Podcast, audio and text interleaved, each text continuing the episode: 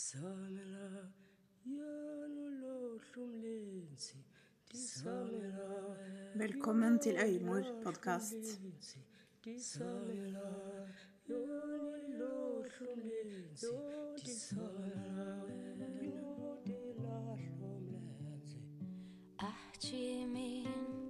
Mitt navn er Silje Nikoline Runesdatter Kvalheim, og jeg er din vert.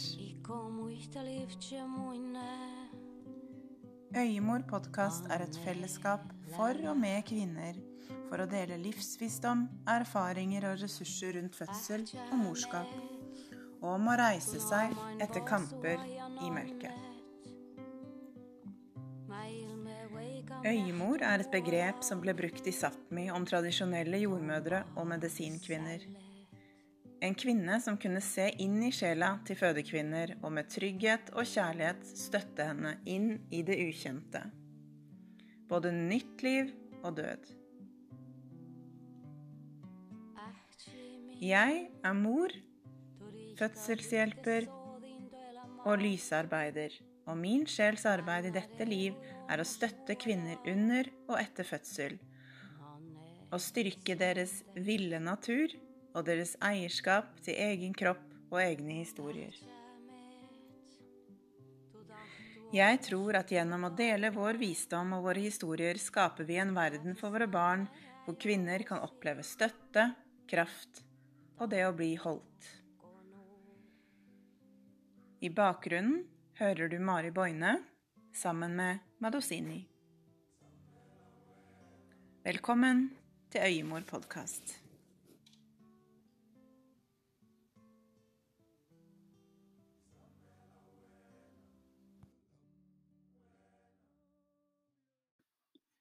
Velkommen tilbake, venner.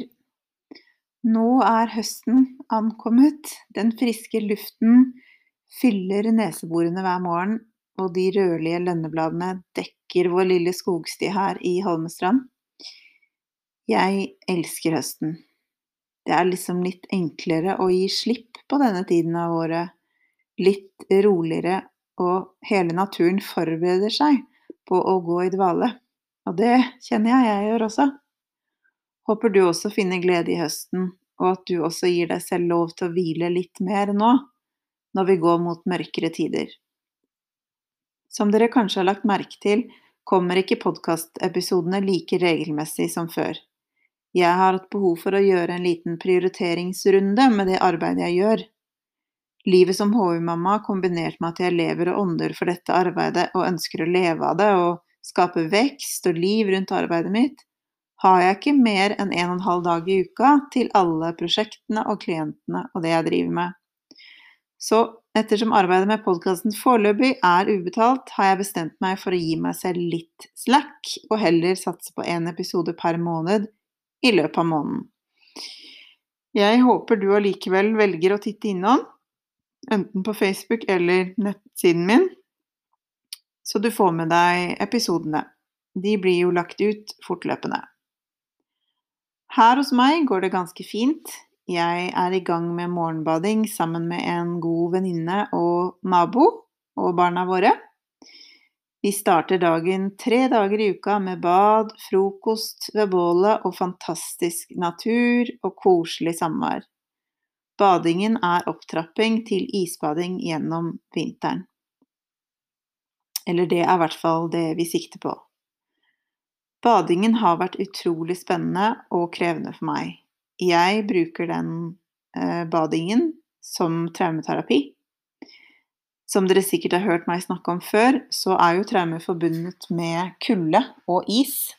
Og nå som kulda kryper innpå, har det skjedd så mye i min egen prosess i arbeidet med traumer etter jeg begynte å bade. Så jeg har virkelig fått sortert, kastet og uttrykt masse skrot, samtidig som kroppen min har fått fysisk avreagert en del traumer som tidligere resulterte i en freeze i kroppen.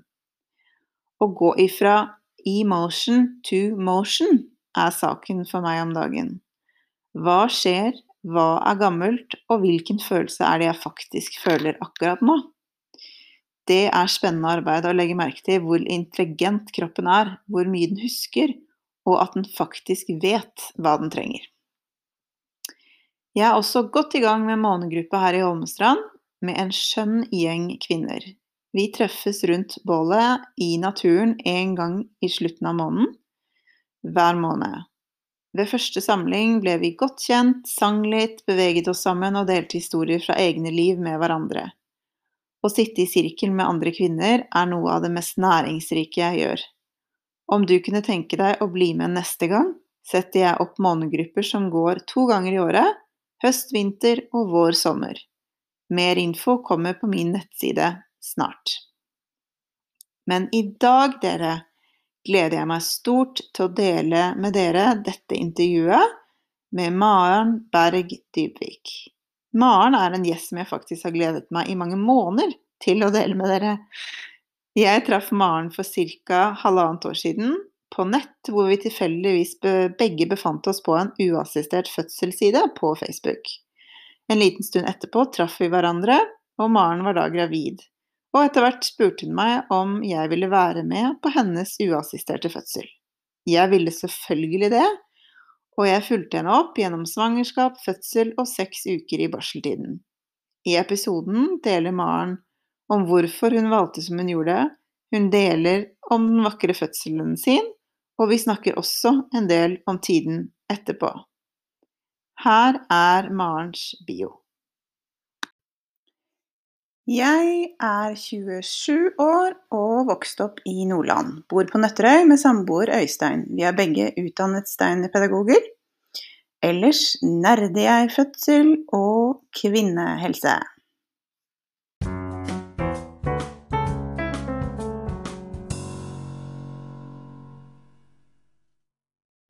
Hei, Maren. Velkommen til Øymor. Hei, tusen takk. du, dette her er jo en veldig spesiell uh, gjest som er uh, mitt uh, hjerte så nært på så utrolig fine måter. Så jeg er veldig takknemlig for at du hadde lyst til å være med i dag. Og jeg gleder meg veldig til å snakke med deg og dypdykke inn i et veldig intimt og vakkert univers som jeg fikk lov å være med deg i. Ja, det er veldig spennende å dykke ned i det igjen. og nå er du, skal vi se, hvor, hvor, gammel er Frida nå blitt? Nå er Frida syv måneder. Syv måneder. Vil du bare begynne med å liksom si litt om uh, hvor du er hen akkurat nå? Liksom dagen i dag, og hvordan det er å leve og være deg akkurat uh, i disse dager? Mm. Eh, det er veldig, veldig fint. Jeg føler at jeg har landa på et veldig godt sted eh, nå. Det, det, er utrolig så mange lag eh, man skal gjennom i seg sjøl.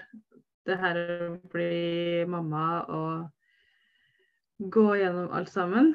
Men eh, nå kjenner jeg bare sånn utrolig kraft og inspirasjon og ja, og motivasjon til å finne ut hvem jeg er nå. Og det føles som mange biter faller på plass. Så det ja, veldig positivt. Så deilig. Eh, har du lyst til å bare fortelle litt om eh,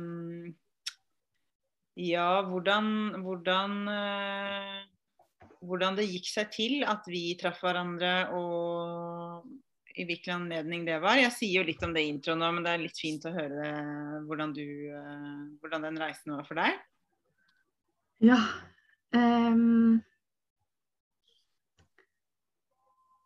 det starta jo med at jeg var gravid. Uh, etter uh, etter å ha hatt lyst til å bli gravid ganske lenge. Og så eh, hadde jeg jo veldig lyst til å, å føde uassistert. Og Men var det, forme var, det, var det egentlig noe du på en måte Visste du det før du ble gravid, egentlig? Ja, det var, det var litt uh, interessant, fordi Eller random, som man sier i dag. at jeg fant ut om uh, uassistert fødsel, eller freebirth, gjennom Instagram. Instagram er kilden til alt godt i livet mitt. ja, men helt sant. Jeg har funnet så utrolig mye bra eh, kunnskap og interessante damer og alt. Det er jo bare å komme gjennom Instagram. Eh, jeg fant ut om eh, at man kunne føde uassistert, og det var jo lenge før jeg hadde tenkt å bli gravid, egentlig. Så jeg bare satte meg skikkelig inn i det, nerda det. Bare ble dratt inn i det. Fødsel. Alt. Og så, så det var ganske klart at jeg ville gjøre det før jeg var gravid. Mm. Det lå liksom der fra før av. At jeg ville skape den uh, opplevelsen sjøl, da. Og være, være den som uh, forma det. Mm. Uh, og ta bevisste valg, da. Så var jeg jo liksom på utkikk etter hvordan det skulle se ut. Og da fant jeg også en Facebook-gruppa Uassistert fødsel Norge. Mm. Og der fant jo vi hverandre. Mm. Og det var veldig fint. Jeg hadde faktisk eh, eh, um, eh, funnet podkasten din før det. Og så så jeg at du også skrev der, så da ble jeg veldig glad. At det var en annen fødselsnerd i nabolaget. ja, det. Mm. Og det føltes veldig fint å finne en eh, hva skal man si, medsammensvoren. Og, å dele den med. Og um, ja, få støtten til at uh, man velger sjøl, da. Mm. Eh, for jeg tenker liksom Når du da veit at eh, det er det du vil, hvordan var på en måte den eh, vurderinga om å ha en person der eller ikke, liksom? For du er jo sammen med Øystein, mannen din, bare sånn for å ha nevnt det til folk. Eh, ja, så hvordan, hvordan, skjedde den prosessen for deg? på en måte? Hva gjorde at du tenkte å, det er lurt? Ja, det var jo litt sånn fram og tilbake um, å se for seg hvordan det skulle være.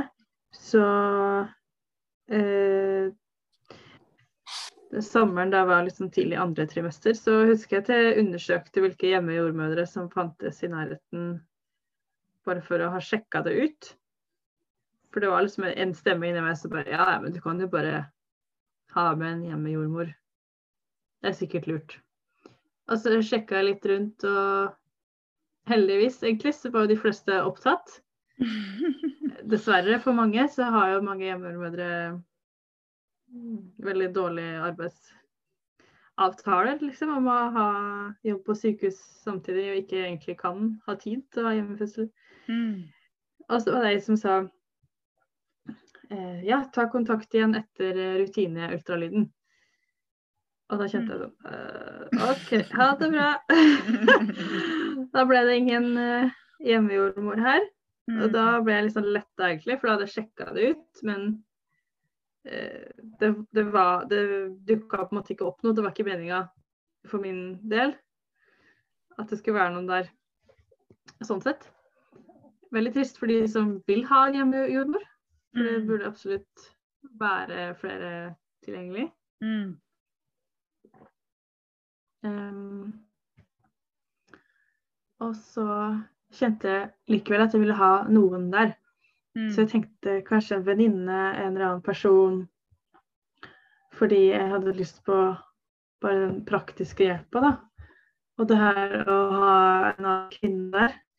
Fordi jeg har jo en fantastisk samboer som er utrolig snill og god, og som ser meg og allting. Men eh, det er noe annet med en eh, annen kvinne som eh, Som kan være der på en annen måte, da. Mm. Så Så da snakka jo vi sammen om det, og da følte jeg at jeg skulle spørre deg da, om du kunne tenke deg å være med. Mm. Og så kjentes det veldig riktig, da. Mm. Så du dukka jo opp på riktig timing, da, kan du si. ja, guri, for en gave. Um, nå bare var det en som skrek i bakgrunnen her, så jeg mista litt uh, tråden et lite sekund. Um, jo, men det som jeg bare hadde lyst til å liksom tappe into, holdt jeg på å si, uten å så, gå så veldig inn i det, kanskje. Men bare litt sånn uh, Nå er jo ikke det med uassistert fødsel noe som er hårreisende for de fleste av mine lyttere, liksom. Uh, men jeg bare tenker litt på det mm, Det derre med å ikke ha en jordmor, da. Ikke sant. Hvordan eh, Ja, altså det som egentlig er interessant, er jo å på en måte komme inn på den der forståelsen som du hadde liksom inni deg om hva din kropp og hva du er i stand til. For det, når jeg traff deg, så følte jeg liksom at det var på en måte ikke et, et, en eh, tvil eh, i mitt uh, sinn, da. At dette har du styringa på, liksom. Altså Det var ikke sånn at jeg følte at jeg overhodet måtte liksom gå inn og liksom uh, hjelpe til liksom, i forhold til den autonomien og den eh, kontakten liksom, og den prosessen du var i. på en måte, sånn. Og det følte jeg liksom med en gang jeg så deg, bare. At det var en sånn, du var på en måte så jorda og så grunna liksom, i deg sjøl. At, eh, at, at eh, Der trengte ikke jeg å gå i det hele tatt. Eh, men hvordan på en måte kommer du Hvordan Eller har du liksom reflektert over det sjøl? At liksom den, den tryggheten og den selvsikkerheten du har da, som kvinne i deg sjøl. Ja, det er et veldig spennende tema. Eh, jeg tror jeg var litt heldig fordi jeg begynte å høre på den fødselspodkasten med positive, eh, frie fødselshistorier. Free Birth Society-podkast. Før jeg på en måte begynte å nerde fødsel i det hele tatt. Så det var min første eh, hva skal jeg si, kilde. Mm. Å bare marinere hodet i mange, mange, mange forskjellige typer fødsler. Og høre også hvordan det kan gå helt til helvete. Mm. Hvis du ja, slipper fra kontrollen, på en måte, eller har skikkelig uflaks, eller at noen, noen spolerer for deg, da. Eh, så jeg skjønte vel gjennom det å høre mange andres historier at jeg må forme den veien sjøl. Og for min del så fant jeg også trygghet i å sette meg inn i å lese eh, en del sjøl. Så jeg kan vite risiko og eh, ja, hvilke ting jeg ville si ja til og nei til. Mm. Så eh, Ja, for det er jo liksom Jeg tenker jo at det er jo litt Det er jo på en måte noe med den derre innprenta tanken vi har om at det er mer skremmende, det er mer farlig liksom å føde hjemme alene enn det er å føde eh, på et sykehus eh, hvor du på en måte sier fra deg allerede den Ikke, ikke, det, at du, altså, ikke det at man ikke kan ha eh, holdt jeg på å si gode opplevelser eh, på sykehuset òg, men at det, det er på en måte en eh, det er mange flere komponenter i den versjonen som på en måte kan ha større og sterkere innflytelse på deg da, som person, enn det å være hjemme i din egen stue. Det sier seg jo liksom, Hvis Ja. man, hvis man liksom tenker på det som en sånn eh, dy dyrisk, eller eh, at vi er på en måte dyr med biologiske behov, da, så er det jo på en måte, du er jo safa på en helt annen måte hjemme i din egen stue. Ja, det var det jeg kjente også, at jeg tar det valget mye ut ifra hvor jeg sjøl er trygg, og hvordan jeg kan være avslappa, hvilke folk jeg stoler på. Um, og, og ha tilliten til egen kropp også. Og det, altså, jeg har jo ikke alltid vært sånn radikal. Jeg er jo på ingen måte liksom anti-sykehus eller anti-helsevesen. Jeg går jo til legen. Eh, men, så på en måte så har min eh, på en måte slags oppvåkning kommet gjennom det her med å føde uassistert. Eh, og sette meg mer inn i hvordan man tar vare på seg sjøl og tar bevisste valg, da. Mm. Og mamma fødte jo meg og mine søs to søsken med keisersnitt, alle tre. Så, så jeg har på en måte ikke vokst opp med sånn bli født hjemme i stua-historier heller. Mm. Eh, så det måtte jeg bare skape sjøl, da. Um, og så eh, hadde jeg jo også tenkt gjennom hva, hva hvis et eller annet eh, går gærent. Så kjente jeg meg trygg på at siden vi bor bare ti minutter unna sykehus, så, så kjentes det også veldig trygt, da. Det er egentlig ikke noe forskjell i veldig stor forskjell om det hadde vært en hjemmejordmor der hjemme, eller om vi skulle dratt et sted, eller ringe ambulanse, dra til sykehus. Eh, Ja. Jeg følte at det var en risiko som var grei, da. Mm. Og så hadde jeg også veldig stor tillit til eh, til kroppen til babyen, ikke minst. Mm. At eh, eh, vi kom til å merke det, da, hvis noe kjentes feil. Mm. Jeg tror mye av den tilliten kom også av at jeg takka nei til ultralyd, og ikke tok det gjennom svangerskapet.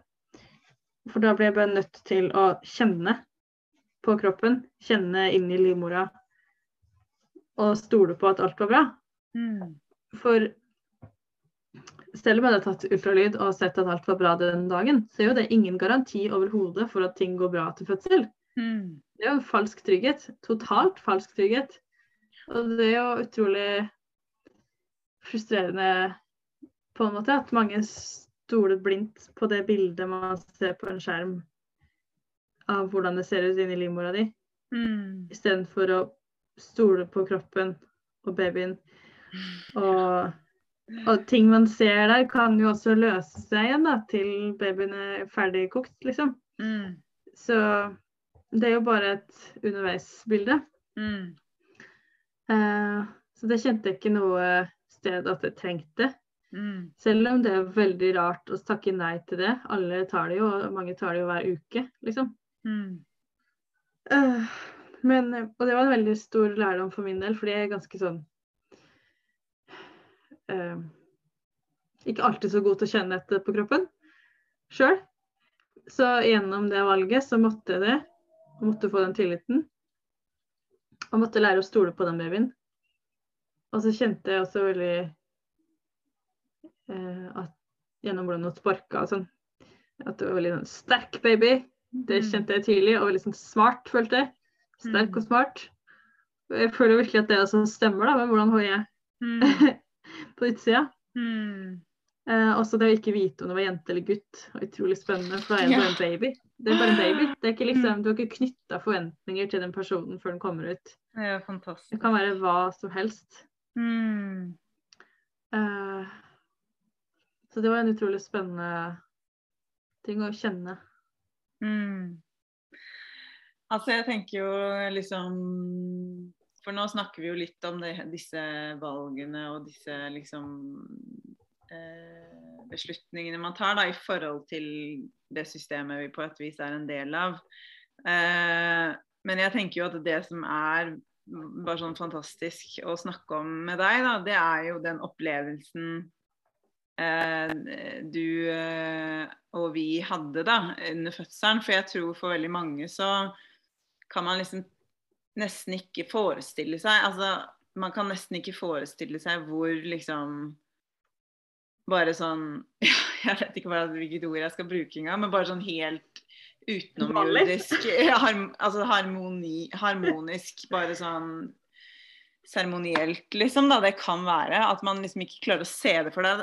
Og hvis du ikke klarer å se det for deg, så klarer du jo heller ikke å skape det, på en måte. Eh, sånn at eh, jeg, jeg tenker at det hadde vært veldig fint om du ville fortelle litt om, om hvordan liksom det utfolda seg. Liksom, liksom bare sånn masse liksom, sanser og alt du liksom bare husker da, og liksom har i deg rundt den opplevelsen. Mm. Ja, gjerne. Em, jeg kan jo ja, begynne å nevne at jeg, jeg gikk jo til, til legen min, en veldig fornuftig lege som stolte på meg og syntes alt var greit med det, de valgene jeg tok. Utrolig heldig sånn sett. Ja. Eh, så hun spurte sånn mot slutten Ja, åssen tenker du med om å dra inn til sykehuset for eventuelt satt i gang og sånn, hvis du går over tida? Og da sa jeg bare sånn enkelt og greit. Jeg, men jeg skal jo ikke sette seg Det er jo vits i å dra til sykehuset. Mm. Og hun bare OK, men da gjør det sånn at du bare kommer til meg, da, så tar vi blodtrykk og sånn. Jeg bare OK, deal. Ja. Um, utrolig greit. Og man bare kan møtes på halvveien. Mm. Uh, ja, og det vil jeg også bare nevne. Så jeg føler at, at jeg på en måte har vært veldig heldig med de jeg har møtt i helsevesenet. Men på en annen, nummer to så har jeg vært opptatt av å, å rett og slett være hyggelig da, og høflig og vanlig folkeskikk. Og takke pent nei. Istedenfor å være sånn der fuck you, antisystem, hater sykehus, hater deg. Ja, Det er liksom ikke til den personen jeg trenger å rette sinnet mitt, da. ja det, det har For den personen jobber jo bare der og prøver jo bare å gjøre jobben sin. Mm. Så jeg tror også det er litt av grunnen til at det har gått så greit. Mm. Ja, veldig. At jeg på en måte har oppført meg som folk, da. Ja, du har jo Ja. virkelig, virkelig vært utrolig god på det. Jeg, ja. Eh, Så eh, kom jo liksom eh, hermetegn termindatoen. Hermetegn. Eh, og så gikk eh, vel fem dager over. Hermetegn. Jeg tror ikke på termindato. Mm. Og eh, da var det faktisk den dagen jeg skulle ha dratt inn til legen igjen da, for sånn blodtrykksmåling. Men det avlyste jeg, for da kjente jeg at uh, her skjer det vel noe. Og da hadde jeg trodd at det starta en tirsdag. For da husker jeg var oppe på natta og tissa og måtte ha brødskive. Og mens jeg sto og skjærte brød, så kjente jeg at det bare strålte nedover beinet. Sånn helt sinnssyk smerte. Jeg, ikke, jeg klarte ikke å stå, jeg måtte sette meg ned. Og da måtte jeg nesten litt le. Og bare sånn OK, er det sånn det skal være? OK, I'm ready. Let's go. det var en sånn, sånn liten sånn check-in. Fødsel bare Hallo, kommer snart. og så la jeg meg sove. Dagen etter skjedde ingenting. Jeg kjeda meg helt sinnssykt. Bare spiste muffins og hang rundt. Bare gjorde alt som falt meg inn, liksom. Og jeg syns det var utrolig deilig. Den slutten der. Man blir liksom oppe i skyene, helt sånn myk og rar og eh, Det var veldig deilig å bare flyte rundt litt.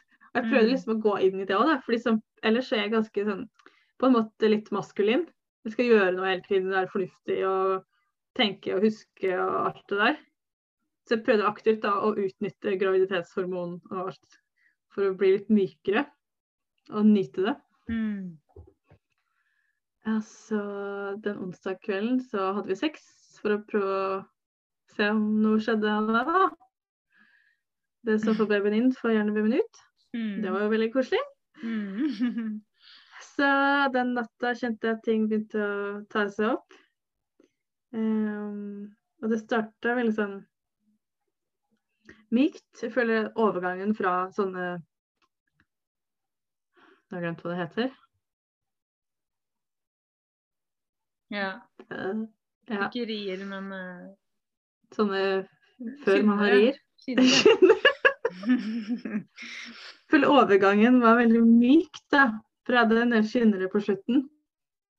Så det var veldig sånn smooth. Jeg kunne puste med, jeg hadde øvd meg da på å puste tungt gjennom de kynnerne som ble tyngre og tyngre. Mens den eh, torsdagen da kjente jeg at nå må jeg puste mye mer og stoppe opp i middagen og bare OK. Det her er nytt. Um, og da ble det ettermiddag, og eh, jeg sa vel til Øystein ja, at han skulle komme hjem fra jobb, og så kom han hjem litt før. Eh, og sendte melding til deg etter hvert om at eh, du kanskje skulle ta turen bortover etter hvert. Og du bare etter hvert? Hva mener du? Liksom nå? Timer? Noen dager? Det er veldig sånn Ja, kanskje ting er på gang etter hvert. Og så var det sånn greie, vi skulle hente mat på Reko-ringen. Vi Mm. hadde bestilt egg, og da må man møte opp og hente de egga. Så det var den siste sånn eh, hjernetingen der jeg drev og tenkte på hvordan i alle dager skulle jeg hente de egga.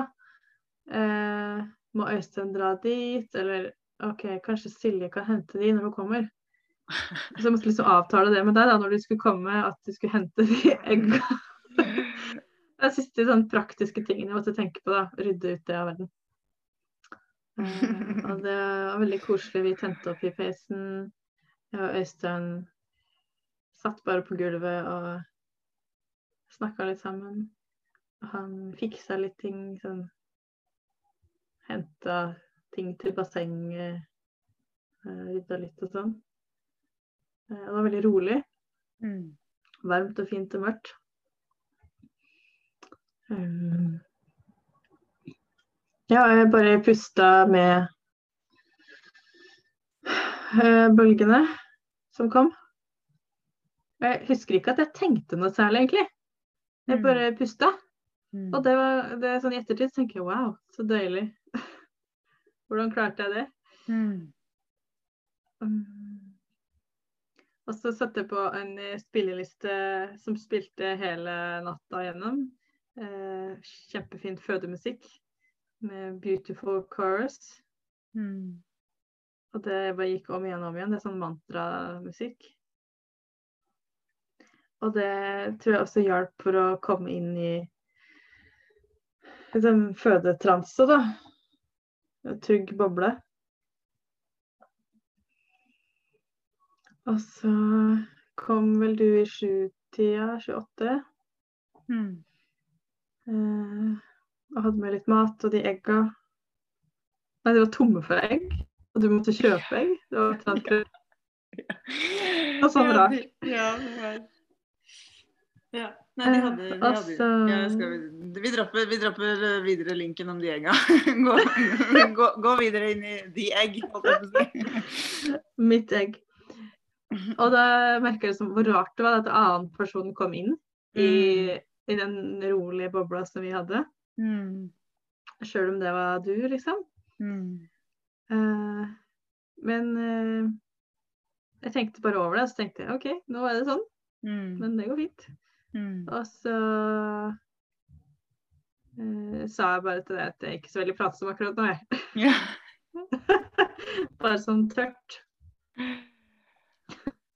Ja, det var jo Jeg bare lyst til å bare si der at uh, det var jo på Jeg bare tenker sånn Vi har jo Vi hadde jo allerede da liksom truffet hverandre ja, en gang i måneden eller noe, ikke sant? I seks måneder eller noe.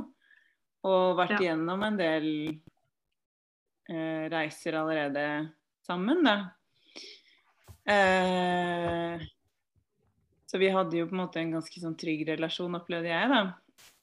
Mm. Eh, og på tross av det og en varhet og liksom Varhet i det i meg, da, i det rommet jeg gikk inn i, så er det jo bare helt sånn å komme inn i Det er jo som å bare liksom åpne opp døra mens noen elsker, liksom. Og bare Å, å jeg, skal bare, jeg bare skal bare sette meg Jeg bare setter meg her. Jeg bare setter meg her, OK? Bare lat som at jeg ikke er her. Det er jo liksom sånn bare nesten enda mer eh, Altså enda mer intenst, da. Sånn at uh, uansett hvor liksom var og på en måte mild man er når man entrer et sånt rom, da, så er det jo liksom en person til som skal liksom Ja. inn i den dynamikken. Ja, ja, da kan man tenke seg hvordan det er da å få besøk av en hjemmejordmor eller en fødselsfotograf eller Mm. eh, ja, plutselig ambulansebil, Ja. whatever, som kommer inn. Mm. Når det likevel merka det så godt da, med det som jeg har møtt mange ganger trygg på. Mm. Eh, ja, så jeg bare la merke til det og tenkte OK, men eh, det her eh, fikser vi. Jeg trenger ikke å bli redd for det. Em, og så lagde du litt sånn eh, frukt og sånn på et fat, og det husker jeg satte pris på. Og så bare hang du ved siden av meg, på en måte. Eh, Så fikk jeg noen øredobber fra det. Det var også utrolig koselig. Jeg tok på de der som fødeøredobber. Mm. Så satt jeg bare på gulvet i forskjellige stillinger. Um, og etter hvert så måtte jeg lene meg over stuebordet med armene. Uh, og det ble mer intenst. Um, og ja, vi hadde jo hatt et et møte først, jeg og du og Øystein, der vi hadde snakka om hvordan hva jeg trengte under fødselen, hva som er mine svake punkter, på en måte. Og da hadde jeg nevnt det her med at jeg, jeg fungerer ikke så bra når jeg er sulten. Så jeg vil at dere skal passe på at jeg spiser og drikker elektrolyttvann, og at jeg får dratt på do og tissa, fordi blæra kan jo bli full og stenge igjen veien for babyen. Mm. Og det var skikkelig digg å vite at jeg hadde gitt instruksjoner, på en måte, Mm. og få sagt det jeg ville si. Mm. Mest av alt det. Å få sagt alt det som hjernen min kom til å ville si under fødselen. Det hadde jeg sagt på forkant til dere. Og så har jeg skrevet et ark der det var sånn Hvis dette skjer, gjør sånn og sånn. Mm. Ta fram sånn og sånn. Fordi jeg kjenner min egen hjerne og vet at hvis jeg ikke hadde skrevet eller sagt det i forkant, så kommer jeg til å ville si det under fødselen. Mm. Og da går jeg ut av kroppen min og inn i hjernen min. Mm. Så det er jeg skikkelig glad for at jeg gjorde. Ja, og så var det jo på en måte veldig fint, eh, tenker jeg, for Eller i hvert fall for meg, da. Jeg kan ikke snakke for Øystein, men selv om man kjenner hverandre godt, så er det jo noe med å liksom At man faktisk snakker om liksom Sånn her er jeg hvis jeg er eh, liksom på kanten eller sliten eller uh, dødsforbanna, eller liksom Da trenger jeg sånn For vi har jo forskjellig måte å, å motta omsorg på. ikke sant? Eh, noen liker å bli snakka til, noen liker å bli tatt på osv. Så, videre. så det å ha også en sånn samtale hvor man liksom blir kjent Jeg blir kjent, bedre kjent med deg i forhold til det jeg blir bedre kjent med Øystein, han blir bedre kjent med meg og vice versa. Sånn at vi faktisk har litt flere verktøy for å liksom samarbeide da, for deg i den settingen. da. Ja. Det var veldig fint. Så underveis så kom jo dere med eh, vann med elektrolytter med sugerør, akkurat som jeg hadde instruert. Og det var jo bare fantastisk å bli servert sånn, på den måten. Um, så det syns jeg fungerte utrolig bra. Og fikk hjelp til å gå og tisse, fordi det, det riene satte seg sånn nedover låra. Så det var skikkelig vanskelig å gå, og skikkelig vondt å sitte. Så jeg måtte lene meg litt for å sette meg ned på do, husker jeg, og opp igjen. Og gå bortover gangen. Og jeg tror klokka var sånn ti-ish, kanskje, når jeg begynte å kjenne at jeg ville opp i bassenget. For jeg hadde fått tak i et fødebasseng. Mm. Og det er alltid sånn Å, når skal du fylle det? Når er det riktig tid å hoppe opp i bassenget? Og ingen vet, du må bare kjenne. Så jeg kjente og tenkte OK, nå, nå er det riktig. Og da var det sånn OK, er du sikker? Jeg bare ja. Eh, Da fikk dere på et eller annet vis fylt opp det bassenget. Det husker jeg ikke noe mye av. Og, men da var jeg så varm. Skikkelig varm og svett. Så da ble jeg litt redd for å gå oppi der og bli enda varmere. Så jeg husker jeg venta litt med å gå oppi. Så når jeg kom meg oppi, så var jeg nesten sånn Å, er det kaldt, eller? Men jeg, jeg tror jeg, min temperaturforståelse var litt sånn rar. Det var utrolig deilig å komme opp i vannet og lene seg over kanten der. Jeg lente meg mest framover hele fødselen. Mm. Sto på knærne og lente meg framover. Og da husker jeg at jeg ropte ut at jeg måtte ha en brødskive med Nugatti. Eh, heldigvis hadde vi Nugatti, så jeg fikk det. Og det var så sinnssykt godt, og da var jeg sa å herregud, så godt det her var. Det var deilig. Så det var også en av de få tingene jeg sa under fødselen, husker jeg. Eh, og dagen etter så lå det sånn halv brødskive med Nugatti i vinduskarmen som jeg ikke hadde spist opp. Og så var jeg fortsatt oppe i vannet og fikk vann og sånn. Eh, og da ble jeg så nysgjerrig, så ville jeg kjenne inn og kjenne om jeg kjente noe, da. Så jeg tok hånda mi ned og kjente det var veldig mykt. Men jeg skjønte egentlig ikke helt hva jeg kjente på. Men så litt etterpå så kjente jeg at noe fossa ut. Så ser jeg sånn Hæ, det er noe som fosser ut. Og så skjønte jeg egentlig ikke hva det kunne være. I ettertid så skjønner jeg jo at det må jo ha vært vannet mitt som har gått, for det gikk jo ikke etterpå. Mm. Det gikk på en måte aldri. Så det må bare ha fossa ut i vannet. Det var helt klart, så det så ingenting. Mm. Og da begynte jeg etter hvert å skjelve og begynte å bli kald. Men jeg ville ikke opp av bassenget, for det var så utrolig godt å ligge der. Og jeg skjønte ikke hvordan jeg skulle komme meg opp derfra. Og da måtte jo dere to voksne mennesker hjelpe til med å få meg opp. Og jeg kunne lene meg på dere. Og jeg reiste meg opp. Og det var sånn utrolig press nedover akkurat da jeg reiste meg opp. Puh, vanvittig press. Og måtte tisse, men det var uaktuelt å gå helt bort på do. Mm. Så jeg sa jeg må bare tisse her, og så fant vi vel noe å legge under. Så sto jeg der og tissa. Og da kjente jeg at det var noe hadde skifta, da. Og da tror jeg du sa eh, kanskje du skulle få deg litt hvile, prøve å slappe av litt, eller sove litt. Mm. Og jeg var sånn Hæ? Nei, det Jeg tror ikke det går. Så jeg måtte bare finne veien tilbake ned på knærne og lene meg på stuebordet. På forarmene. Jeg måtte etter hvert liksom legge en pute under her, for det ble så hardt Mm. på armene. Og så er det yogamatte og håndkle under beina. Myke ting overalt. Mm. Og drikke mer vann. Kliss naken. Fra å være superkald, Mm. så ble jeg da kjempevarm når jeg kom opp igjen. Mm. Jeg måtte bare ta av meg den morgenkåpa jeg fikk på. Og da sto jeg der og lente meg over bordet. Og kunne egentlig ikke annet enn å være der og puste, og etter hvert brøle. Mm. Og da bare innsky- jeg må bare komme med en liten sånn innskytelse der, for da var jo på en måte hele den Inntil nå så har jo på en måte du vært utrolig rolig, ikke sant? Du har bare vært veldig liksom eh, i deg sjøl, og alt du har formidlet, har du sagt med liksom knusende ro.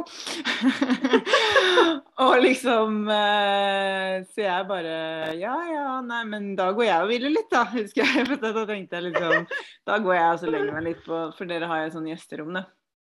Eh, så da liksom tenkte jeg nei, går og Jeg lar døra stå oppe, da. Sånn at jeg liksom hører hvor eh, du er hen. Eh, men eh, jeg tenkte jo fremdeles på det tidspunktet at ja, nei, men det kan jo, kan jo fort ta en god stund til. Og så husker jeg bare la meg ned, og så slappa av, lukka jeg litt, og så bare hører jeg sånn Hører jeg noen sånne lyder, og jeg bare Nei, det der Det der høres ikke ut som noe annet enn at den ungen er ganske tett, tett, tett på. Herregud. Så da tenkte jeg nei, nå går jeg og setter meg ved siden av Jeg går tilbake til sofaen, jeg. Ja. Ja, det var, det var veldig rart. At uh, det var på en måte bare meg som visste hvor langt det var kommet. da. Mm. Fordi alle var bare så rolige, og jeg hadde ikke hatt noe behov for å lage noe drama. Det var liksom bare så naturlig, og det skjedde bare så greit. Det var en veldig sånn myk overgang til å bare bli mer og mer intenst. Eh, så husker jeg at jeg lente meg over bordet, og så la du deg i sofaen og skulle tegne eller noe sånt. Du hadde i hvert fall en bok. Mm. jeg kjente bare sånn OK, jeg tror ikke du rekker så mye av det som du skal begynne på nå. på en måte. Så jeg skjønte jo at det var bare jeg som skjønte hvor langt det var kommet. da, Og det var på en måte litt deilig. Mm. For alle var så rolig. Altså Hvis noen Mm. hadde begynt å skape stress, og liksom, oi herregud, nå, så hadde jo jeg sikkert begynt å, å bli påvirka av det og kanskje begynne å tenke eller sånn.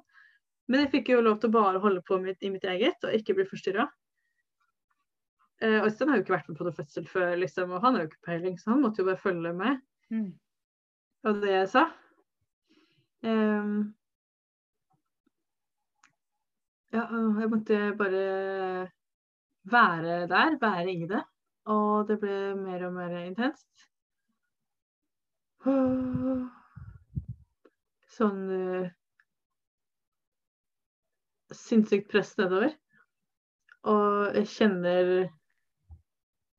etter hvert at uh, kroppen begynner å presse uh, av seg sjøl. Og så legger jeg merke til det, og så sier jeg til Øystein jeg kjenner, kroppen min presser. Litt sånn bare tørt igjen. Han bare hæ, hva da? Ja. Jo, jo, men jeg presser. Kroppen min presser nå. Og da skjønte vel dere at det var fødsel på gang. Eh, og det var jo kanskje en time siden jeg gikk ut av bassenget, da. Eller Mm. ja, litt over det. Og kroppen min presse, kjente hodet bevege seg nedover og oppover. Og nedover og oppover flere ganger. Og det var utrolig spennende, for jeg hadde vært så nysgjerrig på hvordan det skulle være da, når kroppen pressa. Mm. Jeg har vært veldig sånn, Det vil jeg oppleve. Jeg har ikke lyst til å, å kjøre over kroppen. Jeg vil at den skal få gjøre det. Mm. Mine instinkter og hormoner og, og babyen, ikke minst, skal få styre det her. Um, så det var utrolig spennende å kjenne hvordan kroppen bare tok helt over. Jeg kjente at her har ikke jeg noen sjanse, jeg må bare følge med. Jeg må bare puste og være her, jeg kan ikke stikke av. Uh, og det var så sinnssykt intenst, og jeg skjønte da, og skjønner utrolig godt, hvorfor folk velger smertelindring. Mm. Hvis det hadde vært noe tilgjengelig, yeah. så hadde jeg jo sikkert tatt det da. ja. Men jeg var jo hjemme, hadde ikke noe valg, måtte bare stå i det. Og Mm. det visste jo at jeg ville. Jeg ville jo egentlig ikke ha noe, men så sinnssykt intenst. Og hodet går opp og ned og opp og ned. Og så etter hvert eh, eh, popper hodet ut. Eh, jo, så hadde jeg kjent liksom at, at hun bevegde seg oppi der. Men på, en eller annen, på et eller annet tidspunkt så fikk jeg sånn sånn eh, indre samtale eller frykt som dukka opp. At en stemme som sa Men babyen din kan være død. Den kan være død når du kommer ut. Mm. Og så kjente jeg på det, og så tenkte jeg Ja, det kan være det. Men jeg elsker den like mye uansett. Det, det er bare kjærlighet, på en måte. Og det var utrolig interessant at det dukka opp akkurat som når hun er på vei nedover. Mm. Så kommer døden inn og bare ja. Hallo, døden er her. Og så klarte jeg å, å akseptere det. Og så slippe det. Og så hadde hun nettopp kjent bevegelse. Jeg visste jo at hun ikke var død. Mm. Men det var utrolig interessant. Men det er jo på en måte Det er jo liksom den Det er jo egentlig den visdommen det er, jo, det er jo visdommen som egentlig er jo på en måte grunna i biologien. ikke sant? For det er jo på en måte den Mm. delen der som er Ja.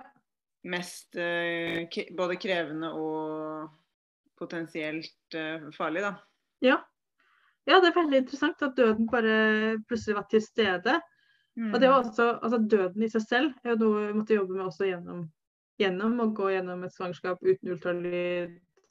Og på en måte slippe ikke ha full kontroll hele tiden. Mm. Og, og på en måte kjenne litt på hva døden er da, underveis. Mm.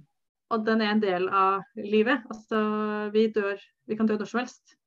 Og babyer dør på sykehus også. Mm. Det er ikke garantert noen steder. Mm. Så det viktigste er at man kjenner seg trygg da, som mamma. Mm. Så det var ja, veldig interessant. Og så presses hodet nedover. Og jeg har ikke noe valg enn å bare stå der og være der og la fødsel skje. og brøler vel ganske høyt på det tidspunktet der. Og kjenner at uh, kroppen etter hvert kommer ut, og så kommer den vel halvveis ut, og jeg skjønner ikke hva som skjer. Føler Det føles som at, altså, at en hånd er inni, eh, inni meg og, og driver med et eller annet. Så jeg sier til Øystein slutt, ikke gjør det der, det er ekkelt. Bare slutt. Eh, hva skjer? Jeg er jo ute, liksom. Uh, og så sier han nei, halvveis. Så bøyer igjen. Og da ble jeg bare helt sånn OK, faen heller. Nå, Mm. nå var det så intenst. Nå må det være ut. Og da tror jeg at jeg pressa litt sjøl Mm. for å få ut de siste delen der. Eh, uh. Og så måtte jeg bare stå og samle meg litt, rett og slett. Og lene meg fortsatt på bordet, lene meg fremover. Og babyen kom ut bak i armene på Øystein og deg. Og dere på en måte de første vitnene som ser eh, Så er det en av dere som sier at det er jente, tror jeg. Mm. Og så hører jeg at hun gråter. Og jeg ser jo fortsatt ingenting. Jeg ble helt i og for det var så intenst. Det gikk så fort, på en måte. Mm. Så jeg må bare eh, ta igjen pusten, og så får jeg etter hvert snudd meg rundt med beina og kroppen og alt. Og så ser babyen for første gang, og det første sier, er at wow, for en stor baby! Jeg er helt sjokka. Og Den store klumpen der. Helt sånn rosa most og helt sånn tjukk og deilig. Og bare ser på og hun gråter og er skikkelig levende og rosa. Det er liksom ingen tvil da, om at alt er bra. Mm. Og det er hun som har vært inne med hele tiden. Og vi hadde jo bare tenkt på ett navn, og det var Frida. Og det var Mm. Frida. Mm. Og det var helt utrolig sprøtt. Og man ser jo på bildene av oss i etterkant at vi er helt sjokka alle sammen. Så store øyne. Helt sånn eh, satt ut liksom av hvor stort det er. Mm. Og så kjenner jeg eh, enda flere rier. Og da bare sette meg over en glassbolle, som jeg også hadde instruert at jeg ville ha henta Mm. til, til morkaka. Så den sto jo klar. Så det var bare for meg å, å liksom sette meg over den, og så ploppa den ut på neste rie. Og det var så utrolig tilfredsstillende og deilig å få ut den.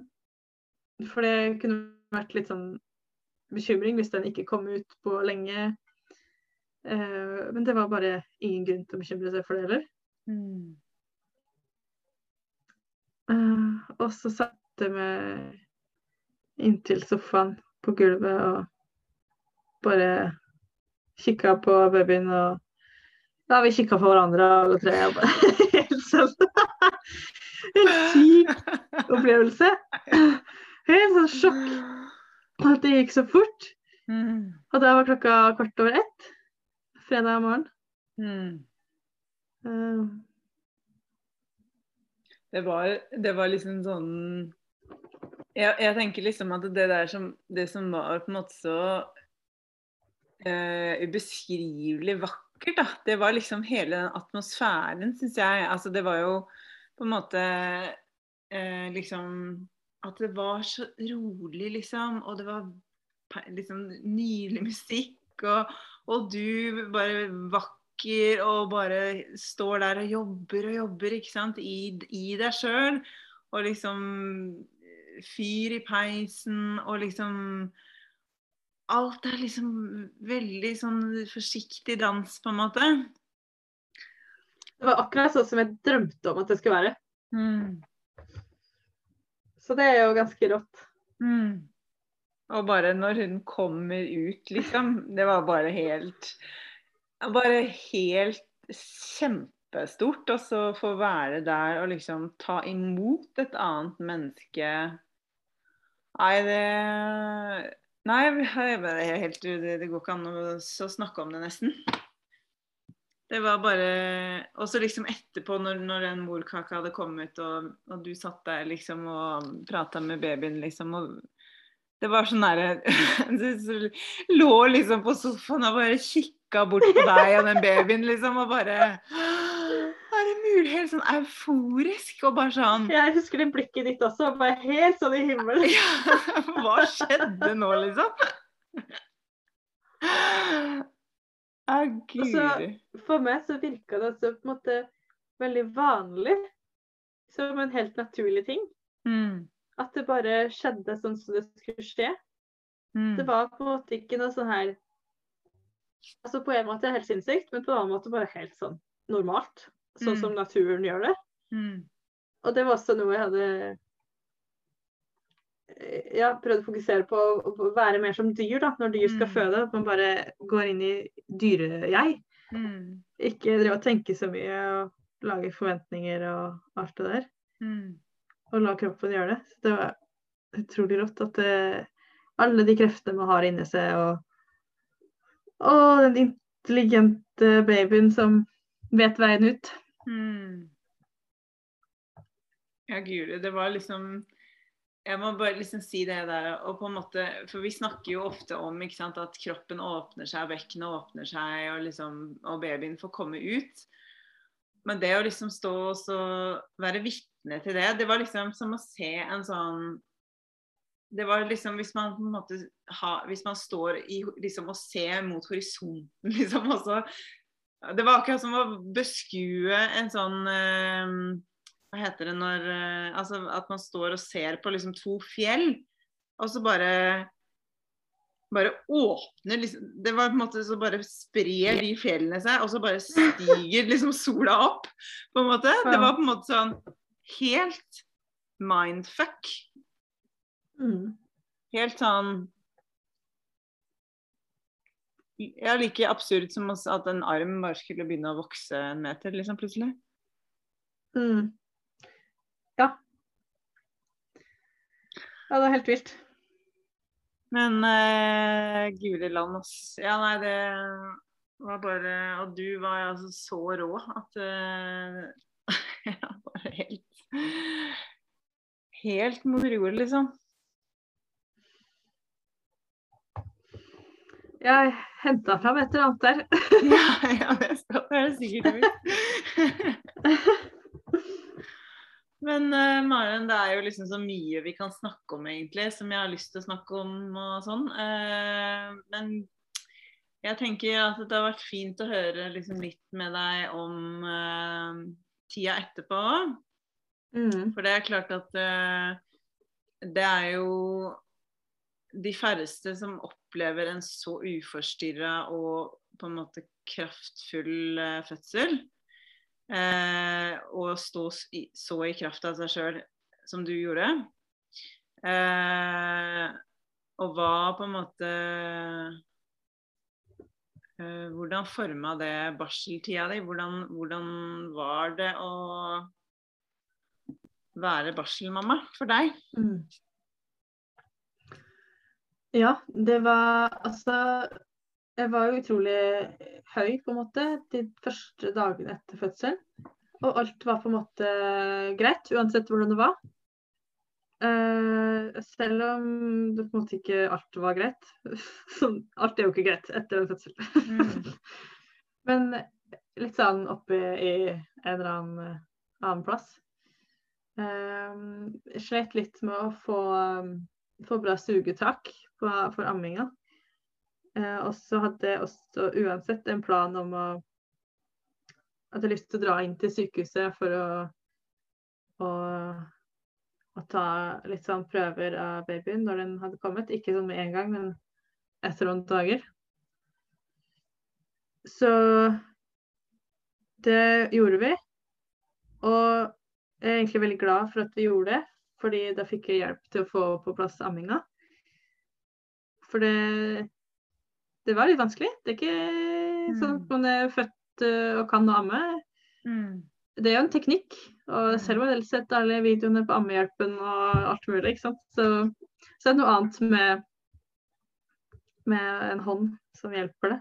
Mm. Så det var veldig fint. Og da ble vi jo møtt der av noen sykepleiere som, eh, som eh, først var litt sånn eh, OK, dere er født hjemme, uassistert. Jaha, hvorfor det? Litt sånn avhør. Men etter hvert som de skjønte at vi var hyggelige, fornuftige mennesker som bare over innomsnittet interessert i fødsel, og, men vi ville det beste for babyen vår, så ble det kjempehyggelig. Og de tok seg kjempegod tid til å hjelpe oss og snakke lenge og ja, alt mulig. Ehm, og babyen var jo bare superfrisk, og alt jo bra, var bra og er jo bra med henne. Mm. Sånn som vi også har følt. Um, men da spurte de jo også om de ville at jeg skulle undersøkes eh, om jeg har fått rift. Og det hadde jeg jo kjent at jeg hadde fått. Eh, men jeg takka nei til det. For da var jeg også fortsatt så, så høy, på en måte. Jeg tenkte jeg kan få til alt. Trenger ikke dere. Dette går fint. Mm. Eh, veldig sånn i min egen kraft til å si nei. Det var veldig deilig. Men jeg var veldig fornøyd med den hjelpa vi fikk der. Og det er også godt å kjenne at Altså, jeg gikk imot sykehuset, men Mm. jeg vil velge sjøl når jeg drar dit, og hva jeg vil ha hjelp til. Mm. Selvfølgelig liksom vi har fått utnytta det systemet bra, da. Mm. Eh, og så Ja, det fantastiske var jo at mammaen min kom jo ned og var med oss i tre-fire dager etter fødselen, de første dagene. Så hun var jo her og vaska og rydda og lagde mat og bare tok vare på oss sånn skikkelig. Og jeg hadde vært veldig usikker i forkant om jeg ville at mamma skulle komme så fort. Mm. Men så snakka vi på telefonen, og hun bare 'Jeg tror jeg kommer.' Jeg bare 'Ja, kom du?' Og så kom hun bare med en gang. Hun bor jo langt unna, hun måtte jo fly og allting, men det var bare sånn Slapp alt i hendene og bare kom nedover. Mm. Fantastisk å ha mamma der. Og så dro mamma fire eller sånn, og liksom fødselshøyheten ga seg. Og da ble det faktisk ganske tungt. Mm. For da gikk det opp for meg at jeg hadde revna. Eh, kanskje mer enn jeg hadde trodd. Eh, jeg hadde vært innstilt på å, å ville at ting skal gro naturlig fra før av. Men da gikk det vel opp for meg hva det betyr. At eh, ting er annerledes. Mm. Det er utrolig sårbart. Hva hvis jeg er helt ødelagt, liksom? Hva Mm. hvis, hva hvis, hva hvis? Jeg, jeg gikk helt i eh, i de verste tankene Mm. med den riften. Prøvde å ligge så mye som mulig stille, hvile, beina samla. Eh, ikke gjøre husarbeid, ikke gjøre noen ting. Veldig Mm. sånn streng med meg sjøl. Prøvde å hvile så mye som mulig. um, og så snakka jo vi litt om det, eller du hjalp meg å sette ord på det. Fordi det var litt fristende også å bare grave det ned og bare ikke kjenne etter. Men det hjalp meg i hvert fall å sette, stikke litt sånn hull på den bobla, bare kjenne etter på alt som var, lå i det. Og da Jeg gråt helt sinnssykt mye de ukene der. Sånn frykt, da. Og på en måte sorgarbeid, bearbeidelse, Mm. alle tankene. Det var mye gugg som skulle opp. Altså alt var bare perfekt med babyen, men da følte jeg at altså barselkroppen det var, Alt var bare uh, ute av balanse. Fordøyelsen min stoppa opp, jeg var skikkelig forstoppa. Klarte ikke å gå på do. Redd for den riften, ville ikke presse når jeg var på do. Fikk hemoroider av det. Og så lå jeg så mye med beina samla og tett at jeg fikk sånn eh, underlivssopp. Mm. Det var liksom bare en ny uke, en ny utfordring i underlivet, liksom. Mm. Og så på den fjerde uka, tror jeg, da ble jeg overbevist om at jeg hadde prolaps i tillegg. Det Mm. kjentes bare så, så rart og føltes annerledes. Og... Så det var skikkelig intenst. Så egentlig intense uker.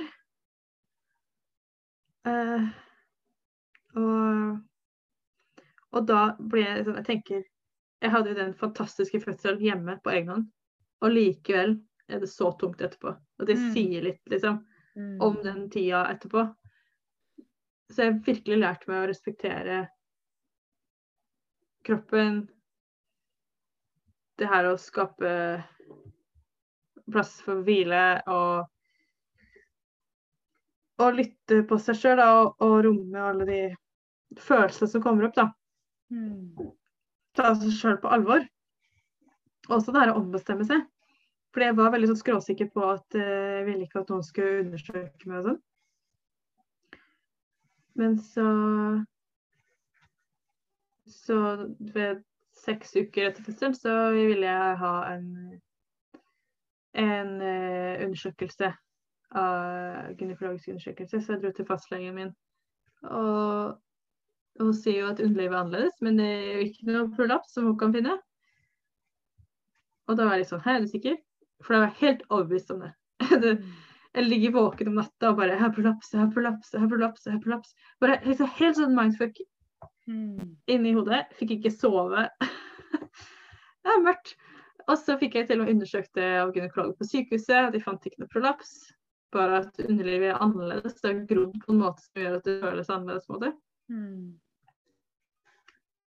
Så da måtte jeg på en måte akseptere at å, jeg har ikke det likevel. Å ja, OK. Jeg hadde ikke det. jeg hadde bekymret meg i alle de ukene for ingenting. Mm. Det var skikkelig sånn fram og tilbake hele tida. Um, det som var veldig fint, var at vi hadde jo også en avtale om at du kom innom eh, seks ganger etter fødselen. Mm. Og da hjalp det jo til med støvsuge eller mat eller snakke sammen, lage te.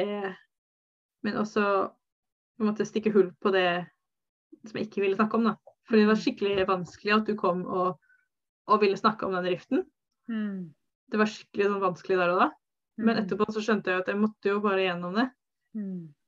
Og at du på en måte hjalp meg å Selv om det er vanskelig å snakke om det kjipe da, og bli holdt i det. Jeg tror jo på en måte det er litt den derre um, Altså bare sånn for å linke den eh, gode fødselsopplevelsen din da, i forhold til det å ha sant, forferdelige fødsler, så uansett så er, et, eh, er jo en fødsel en ganske kraftig påkjenning for kroppen. Og liksom det derre å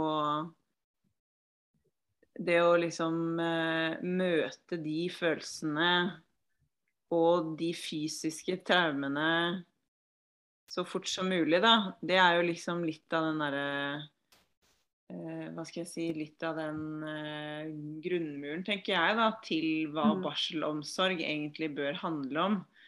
Mm. Eh, og det er jo det på en måte å gjenkjenne For det er klart at når jeg kommer til deg, så jeg, jeg har jo vært gjennom en del traumer sjøl, så jeg, jeg kjenner, kjenner jo det i deg, på en måte, ikke sant? Mm.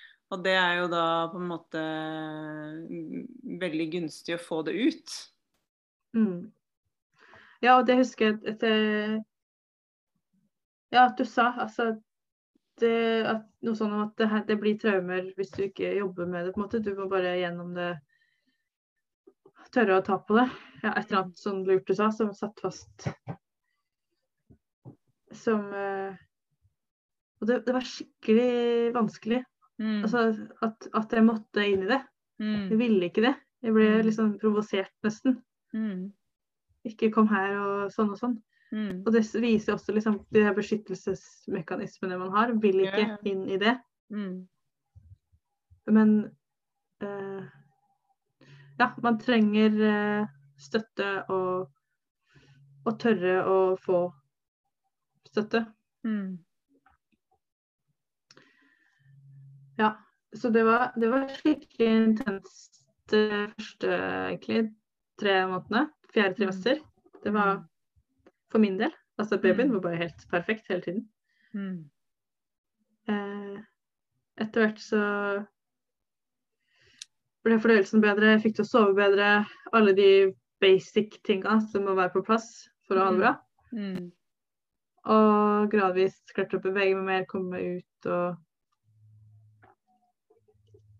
uh, Ja, nyte, nyte ting, da. Så nå, og nå har jeg jo bare det vanvittig bra. Mm. Deilig.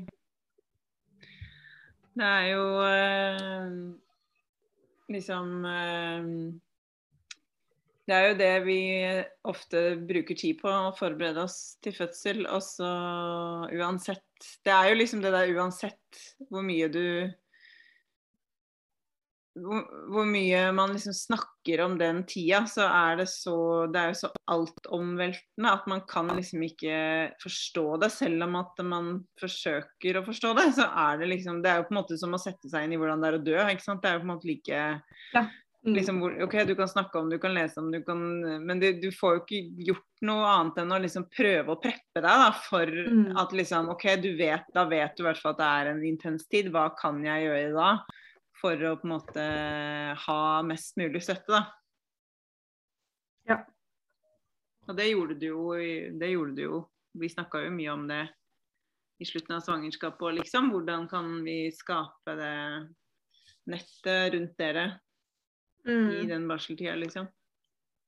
Ja, og jeg trodde jo at jeg hadde forberedt meg godt til det også, liksom. Men som du sier, man kan ikke forberede seg til det, for man aner ikke hva det egentlig betyr. Mm. Og det kan jo utarte seg så forskjellig. For noen Mm. så er jo alt bare helt sånn som det har vært før. Men eh, altså alle har jo sin historie, liksom. sin måte ting kommer opp. Men eh, og, altså, alle kan jo ha sine kjipe erfaringer. Mm. Men det som jeg nå i etterkant ser, som jeg er glad for den hjelpa jeg fikk, var nettopp det her å, å våge å kjenne på de følelsene og gråte seg gjennom dritten. Ikke være redd- for dritten. Mm. For da kommer man seg gjennom det, Mm. og blir ikke så redd for å snakke om det etterpå. Mm. Det. Det blir liksom ikke så farlig. Mm. Så nå føler jeg på mange måter Ja, sånn klisjéaktig, da, men at det blir et, blitt et nytt menneske. Mm. Eh, Fordi jeg måtte virkelig gi slipp på det gamle. Mm. Og alle forventninger. Alle tanker om hvordan jeg skal være. Og det er helt utrolig frigjørende. Mm. Altså, jeg har aldri følt meg så fri som nå, selv om jeg nå er mamma til en baby. Ja. Fordi jeg var bare sånn tvunget til å slippe alt. Mm. Og det bare har satt i gang så mye hos meg, det. Mm. Men jeg tenker litt på det som, som jeg syns har vært litt sånn vakkert, eh, og så vitne sånn i etterkant, da, hvordan du på en måte har eh, snakka om det her eh, i dine omgivelser, eller eh, liksom ut, ut i verden. da, så syns jeg det er så fantastisk å liksom bare være vitne til hvordan de det, er En sånn avgjørelse, som på en måte er din personlige, eh, intime liksom, avgjørelse, lager Mm. liksom ringvirkninger eh, Store ringvirkninger rundt deg, og på en måte fortsetter å, å gjøre det, da. Og liksom Og det, det, tenk, det har jeg liksom bare liksom lyst til å anerkjenne i det der, den tanken om at liksom Ja, mitt lille valg, liksom. Hvordan kan det påvirke, egentlig? Men det er jo nettopp fordi man tar et valg liksom i kraft av seg sjøl. No, og og det, det valget du tar, er jo på en måte noe som sier at jeg kan, kvinner kan. Ikke bare sånn 80% men sånn 100 Eh, og liksom Hva gjør det med omgivelsene og liksom alt du har rundt deg? Ja. ja, det starter en helt vanvittig masse greier. Altså, bare sånn i familien min, mamma ble bare helt sånn utrolig fascinert at det var mulig. Ja? Familien, slekta mi, altså det blir jo en sånn her wow. Wow. Eh, venner jeg forteller det til. Som på en måte bare hører kjipe fødselshistorier, da. For det er jo stort sett det man hører om. Mm. Og så kommer det en sånn Ja, men du kan bare føde hjemme, det går helt fint. Eh, Jeg gjorde det alene. Det blir så utrolig kontrast da, til det man hører, så man blir, mange blir sånn satt ut, da. Jeg tror også noen blir litt sånn usikre, og Mm. kan bli litt sånn øh, Nei, det der eh, aksepterer jeg ikke, på en måte. At man blir sånn, vet ikke helt hva man skal si. Men sånn for min del så har det jo eh, hjulpet med å finne fram enda mer min egen stemme. Det her å gi litt faen i hva folk sier, da. Og ikke alltid skulle gjøre det som folk syns er lurt. Ikke bare være enig. Eh, og ta valga sjøl. Om meg. Trenger ikke å være korrekt eller riktig eller liksom i andres øyne. Eh, ja. Det har vært veldig spennende å kjenne på. Mm. Ja, for det blir jo en sånn mot Altså det blir jo på en måte en veldig sånn sterk motpol egentlig til eh, Hva skal jeg si tendensen til egentlig, altså Ikke bare sånn i føds, fødselsøyemed, men egentlig hele sånn kollektivt samfunnsmessig. At man stiller seg liksom bak autoriteter eller kunnskaps... eh, eh, Ja. Ja, jeg, jeg er bare liksom lille meg, på en måte. Men du går jo liksom fram veldig tydelig med en fakkel, rett og slett, og bare sier at dette gjorde jeg, og det kan jeg, og det kan du òg. Mm. liksom, hvis du vil det, på en måte. Ja. Ja. Det er på en måte så enkelt og så vanskelig. Mm. Og så er det så rart, fordi i etterkant så ble jeg litt sånn «Ah, Var jeg ikke redd, liksom? Nå kommer de tankene. Mm. Så, ah, men hva hvis, hva hvis, hva hvis? Men nei, det var, det var bare full tillit. Mm. Det er så fascinerende, tenker jeg. For dette, liksom, den, den, det som skjer når du føder, da, så, så jobber jo Da er det jo altså Det er jo ikke det at man er i kontroll sånn 100% men det er din kropp. Det er liksom din kropp som føder ditt barn. Eh, Mm. Sånn at det er liksom en kroppslig eh, erfaring, da. Mens når du på en måte sitter i barseltida, da, så, så er du Så har du flytta bevisst, Så har bevisstheten din liksom flytta seg ut av deg. For nå er bevisstheten din inn i et annet barn, altså i barnet ditt. Mm. Eh, og da blir det plutselig en helt annen liksom eh, Et helt annet nervesystem og et helt annet dyr da, som kommer fram på en måte i, den, Ja. I det skiftet. For da er det liksom ikke min kropp, jeg kjenner, nå skal jeg gjøre det her. Men da er det plutselig liksom Oi, du, liksom. Ja. Ja, man er ute av seg sjøl hele tiden, liksom. Ja. Utafor og en meter unna, liksom. Følger med på babyen. Ja. Mm. så nerve, nervene mine etter fødselen var jo også helt frynsete. Jeg fikk jo ikke sove. Jeg lå våken og bare var våken og hørte alle lydene i Mm. hele universet.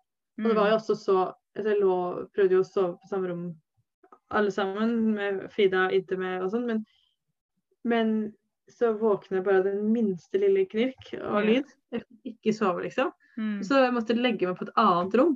Yeah. Og bare det var skikkelig vondt, fordi jeg har lyst til å være i nærheten av babyen min. Mm. Det er jo sånn jeg tenker jeg vil oppdra babyen, og alltid være i nærheten.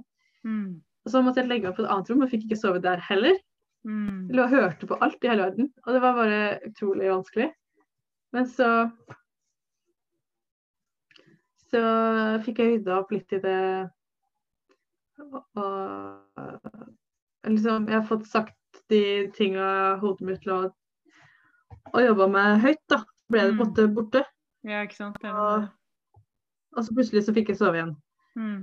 Og også f- på en måte få aksept for det der at Og det var faktisk helsesøstera som hjalp meg med det her. Utrolig heldig med henne også. Skikkelig sånn sa de rette tinga, dame. Mm. At, uh, at det å være sensitiv, det er jo en styrke. Mm. Det er jo for din datter. At dere er så sensitive og hører på hverandre. Så du vil jo merke Du må bare stole på at du vil merke når hun trenger noe. Mm. Fordi du hører jo så godt, på måte, så du kan slappe av. Mm. Og da var jeg sånn Å ja, OK, Mm. det bra.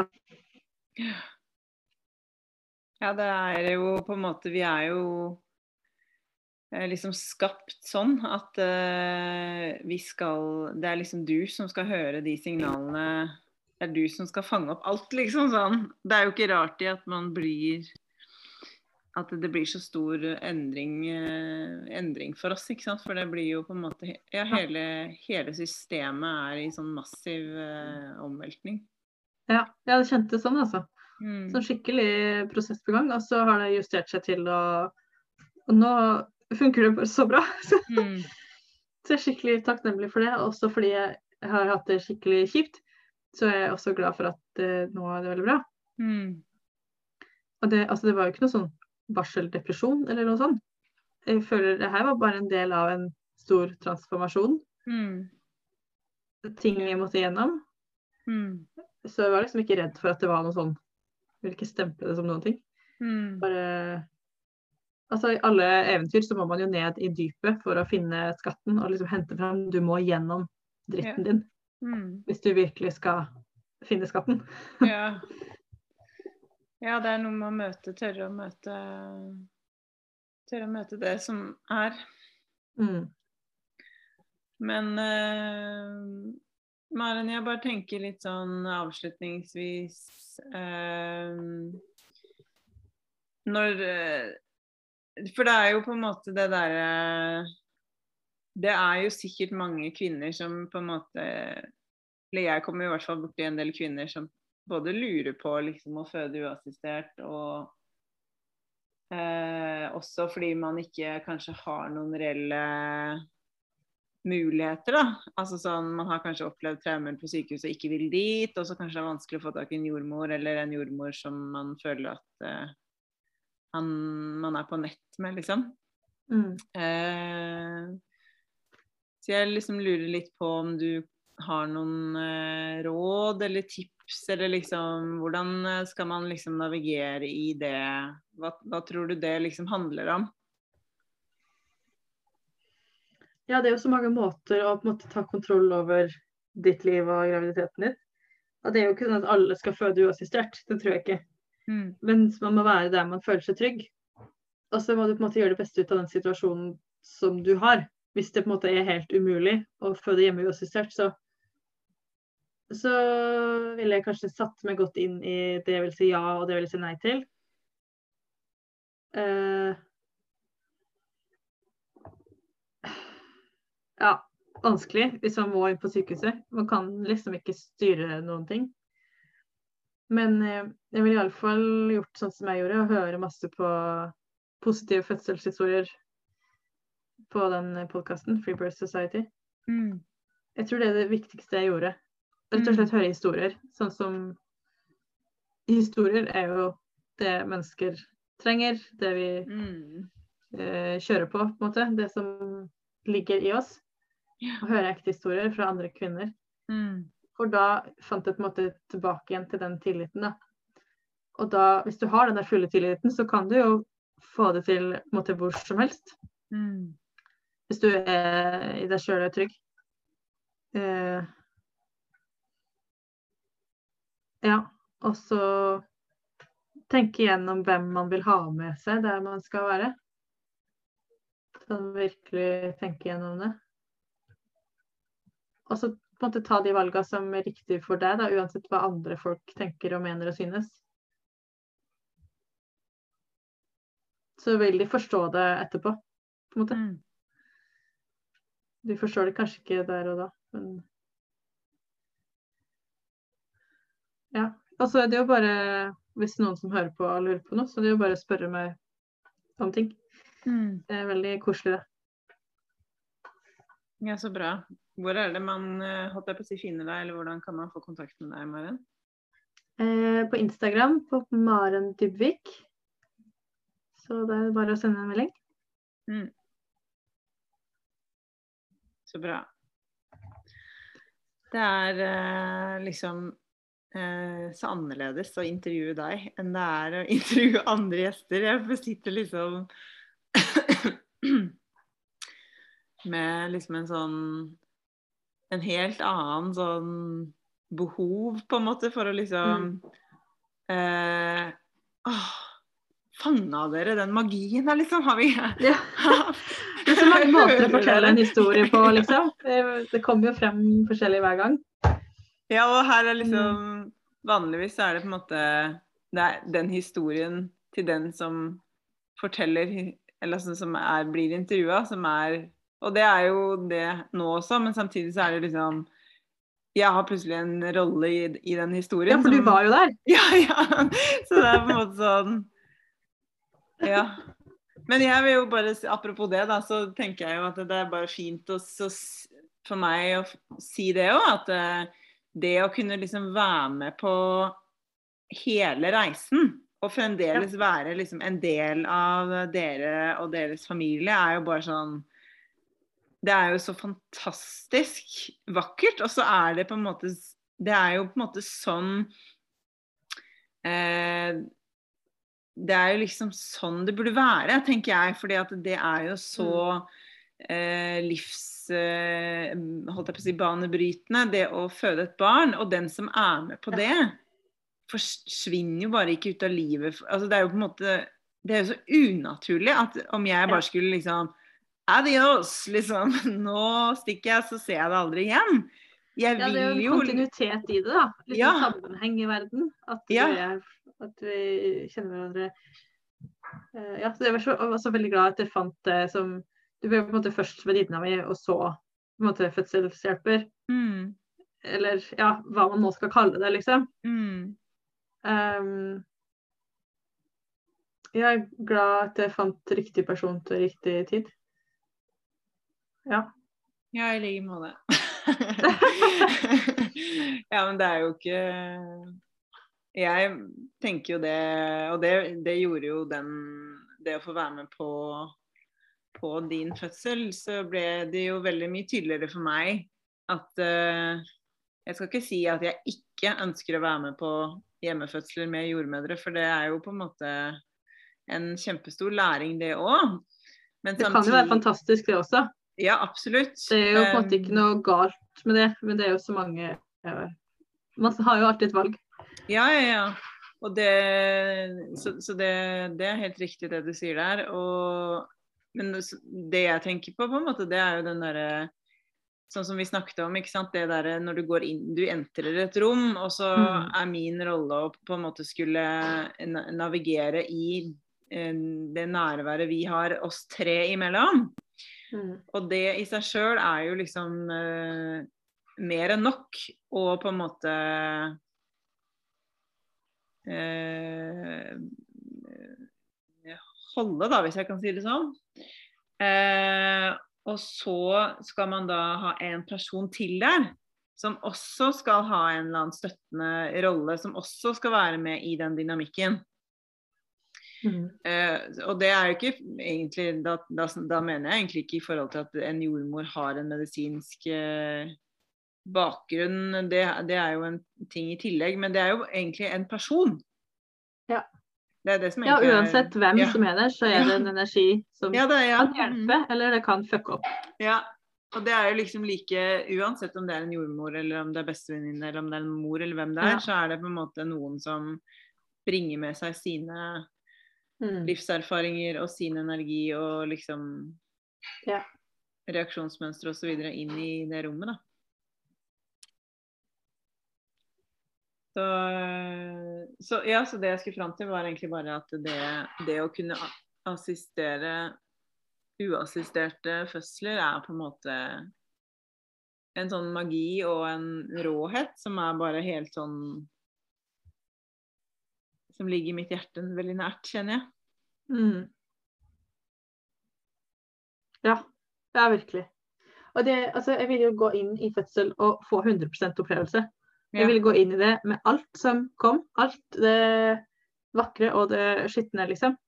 Mm. Og det var på en måte den kontrakten jeg skrev under da, før jeg ble gravid. Da hadde jeg hadde en liten samtale med universet. og så, ja, bare gi meg alt, liksom. For det er det jeg vil ha. mm. Og det er jo ikke alle som vil ha alt. Noen vil jo på en måte bare føde babyen litt sånn rolig og forsiktig, og så gå videre i livet. Og det er jo også fint. Men Mm. for min del så vil jeg ha alt. Mm. Hele opplevelsen. Jeg vil ikke Mm. dekke til eller dope meg ned eller bare la det gå fort og galt. Jeg vil at det skal være en event. For det er en sykt stor event, liksom. Mm. Hell yeah! Hell yeah! Alright, right, Maren. Da skal jeg bare takke så utrolig mye for at du ville være med og snakke om en så magisk eh, tid og krevende tid i livet.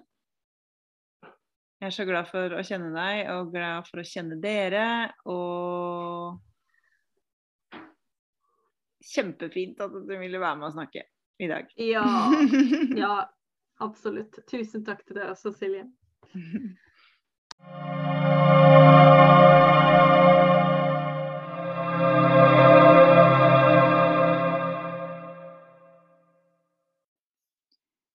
Tusen takk, Maren, for at du var med på podkasten. Takk for at du er et lys som lyser opp for andre med din tillit, åpenhet og ditt mot.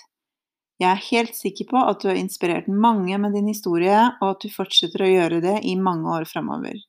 Jeg kommer aldri til å glemme deg og dere og den magiske reisen vi delte. Du kan ta kontakt med Maren på mail marendybvik eller på Instagram Maren Dybvik. I november starter jeg opp et online mammasentrert community living-serie. Det er et kurs over seks ganger. Kurset koster 2400 kroner og starter allerede 1. november i år. På kurset tar vi for oss temaer som womb to tomb, omsorg, hjemmeskolering og hjemmebygging, natur- og landbasert livsstil, morskap som en spirituell reise, sirkelarbeid og overgangsritualer som en viktig del av livet. Kurset er for deg som ønsker å skape en mer organisk måte å leve på sammen med familien. Du trenger ikke å drive med hjemmeskole for å delta, men temaene er ment som en inspirasjonskilde til mammaer som går med en spire i magen om å skape noe annerledes for seg selv og familien. Gruppa vil bestå av andre kvinner som også ønsker noe lignende, slik at man kan støtte hverandre og bidra positivt i et trygt og nærende fellesskap. Ta kontakt for mer info. Påmeldingsfristen er allerede 1. oktober. Jeg har også lagt ut noen nye videoer på min YouTube-kanal. Den ene heter Healing with Nature, hvor jeg forteller litt om min relasjon og helingsreise med og i naturen. Den andre heter Leaning into Fall, hvor jeg deler hva jeg liker med høsten. Ta en tur innom, abonner gjerne på kanalen, og jeg hører gjerne ifra deg når du har sett de. På nyåret satser jeg på å starte en online nervesystem-support-gruppe. Det blir en fast gruppe med mødre som trenger ekstra støtte og ønsker å arbeide med prosesser i morskapet sammen med andre. Jeg kommer til å lære bort noen teknikker hvert treff for å roe ned nervesystemet, spesielt for mammaer. Om du vet allerede nå at du vil reservere en plass, kan du ta kontakt. Det blir antagelig to ganger per måned. Neste episode får du møte Sadie Lawler. Hun er grunnleggeren av Hypopressiv trening Norge, og skal dele med oss hvorfor hypopressiv trening er viktig for mammaer etter fødsel, hva det er, og hvorfor hun startet med arbeidet. Jeg gleder meg til å dele samtalen med deg. Du kan støtte mitt arbeid med denne podkasten på www.patrion.com imother med et lite månedlig beløp. Du kan kontakte meg på www.imother.com eller Facebook-siden min imother-øyemorpodkast, eller på Instagram i-mother. Da ønsker jeg dere gode høstdager inntil vi ses og høres igjen.